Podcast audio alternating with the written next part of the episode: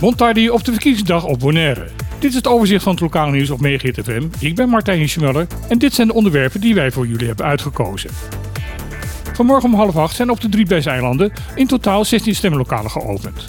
De bevolking van Caribisch Nederland stemt vandaag voor een nieuw bestuur op een eilanden en een groot gedeelte van de bevolking kan vandaag ook invloed uitoefenen op de samenstelling van de Eerste Kamer van het Nederlands parlement. Na heel aardig begin zijn de verkiezingscampagnes van de verschillende deelnemende politieke groeperingen de laatste weken toch echt op gang gekomen. Dat was ook duidelijk te merken in het straatbeeld van Bonaire, waar steeds meer vlaggen van verschillende kleuren te zien waren. Het ging niet altijd om verschillende politieke standpunten, maar nadrukkelijk ook om persoonlijke aanvallen en karakterbeschadigingen. Vandaag eindigt dit allemaal en vanavond weten we iets meer over de politieke krachtverhoudingen waar we de komende vier jaar mee te maken gaan krijgen. Morgen begint dan het proces om de verschillende controversies en breuken die zijn ontstaan tijdens de verkiezingstijd weer te lijmen en te kijken welke coalities mogelijk zijn. Want ondanks dat meerdere partijen hebben geclaimd dat zij vandaag een meerderheid in de eilandsraad gaan halen, is het de verwachting dat ook het komende eilandsbestuur weer een samenwerking van minstens twee partijen zal gaan zijn. Terwijl afgelopen week hier de verkiezingstijd woedde, was gezaghebber Edison Reina op werkbezoek in Nederland. Hij sprak daar onder meer met de minister van Infrastructuur en Waterstaat Mark Harbers. Het gesprek ging over het rapport Integraal Waterbeheer dat kort geleden door het waterschap Rijn en IJssel is opgesteld.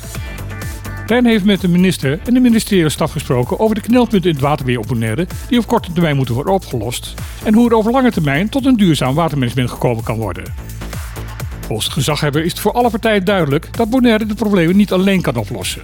Hij prees zich gelukkig dat Nederland koploper is op het gebied van waterbeheersing en dat daardoor de expertise die nodig is om Bonaire veiliger te maken makkelijk te vinden is. Koenekierers op Bonaire die hun bedrijf willen uitbouwen, kunnen daarvoor sinds kort makkelijker en goedkoper geld lenen. Het openbaar lichaam Bonaire en de organisatie Credits zijn daarvoor een samenwerking aangegaan. Al sinds 2015 helpt Credits kleine ondernemers, die bij gewone banken nul op cash krijgen voor een geldlening. De organisatie zegt daarmee te hebben meegewerkt aan het creëren van extra werkgelegenheid van 765 banen op Bonaire. Nu komt het geld verschaffen met een speciale regeling voor de lokale boeren. Ondernemers in de landbouw kunnen vanaf nu een lening krijgen van maximaal 100.000 dollar tegen een rente van 2%. Deze rente is bijzonder laag omdat bij gewone leningen meestal een rente van rond de 10% gevraagd wordt. De lening moet wel binnen 5 jaar worden terugbetaald.